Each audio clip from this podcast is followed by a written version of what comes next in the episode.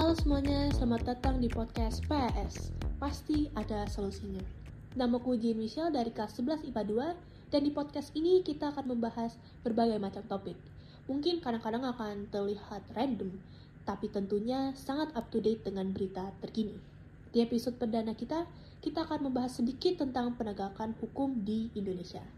Baru-baru ini masyarakat Indonesia lagi-lagi dikejutkan oleh kasus korupsi pada saat pandemi COVID-19. Komisi Pemberantasan Korupsi Republik Indonesia atau KPK mengabarkan bahwa mereka sedang menyelidiki kasus korupsi APD COVID-19. Dalam kasus ini, para tersangka membeli 5 juta set alat perlindungan diri yang digunakan oleh para tenaga medis seharga 3 triliun rupiah. Namun, uang tersebut tidak digunakan sepenuhnya untuk membeli APD dan sisanya disimpan oleh para tersangka. Seorang juru bicara penindakan dan kelembagaan KPK, Ali Fikri, mengatakan bahwa kerugian negara dalam kasus ini mencapai ratusan miliar rupiah. Ia juga mengabarkan bahwa ada beberapa tersangka yang ditetapkan dalam kasus ini, namun identitas mereka belum diungkapkan karena KPK ingin menemukan semua bukti terlebih dahulu dan langsung melakukan upaya paksa penangkapan dan penahanan. KPK menjerat para tersangka menggunakan pasal 2 dan pasal 3 Undang-Undang Pemberantasan Tindak Pidana Korupsi yang menyangkut dugaan perbuatan melawan hukum, memperkaya diri sendiri, orang lain, atau korporasi yang menimbulkan kerugian keuangan negara. Kasus ini adalah salah satu dari sekian banyak kasus korupsi yang kita dengar tahun ini. KPK telah menangani 85 kasus korupsi dalam rentang waktu Januari hingga Oktober tahun 2023.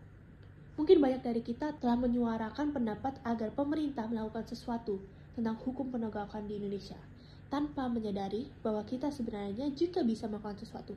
Tidak harus sesuatu yang besar, kita bisa mulai melakukan sesuatu di lingkungan kita sendiri.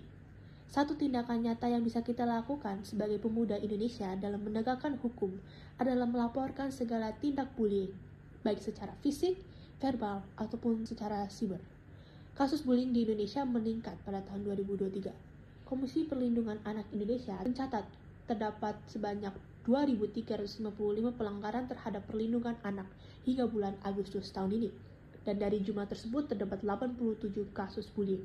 Tindakan bullying bertentangan dengan hak asasi manusia, dan kita harus menjadi bagian dari membantu semua orang mendapatkan kehidupan damai yang layak mereka dapatkan.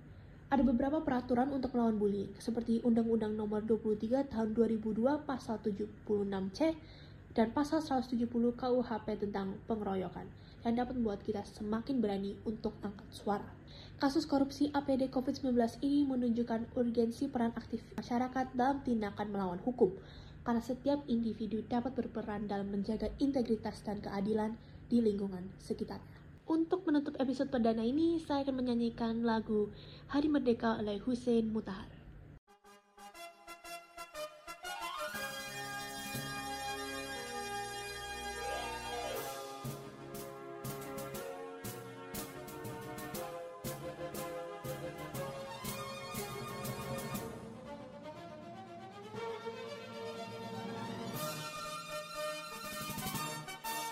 17 Agustus tahun 45 Itulah hari kemerdekaan kita.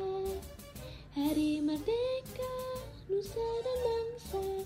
Hari lahirnya bangsa Indonesia. Merdeka. Sekali merdeka tetap merdeka. Selama hayat masih di kandung badan. Kita tetap setia, tetap setia mempertahankan Indonesia. Kita tetap setia, tetap setia membela negara kita.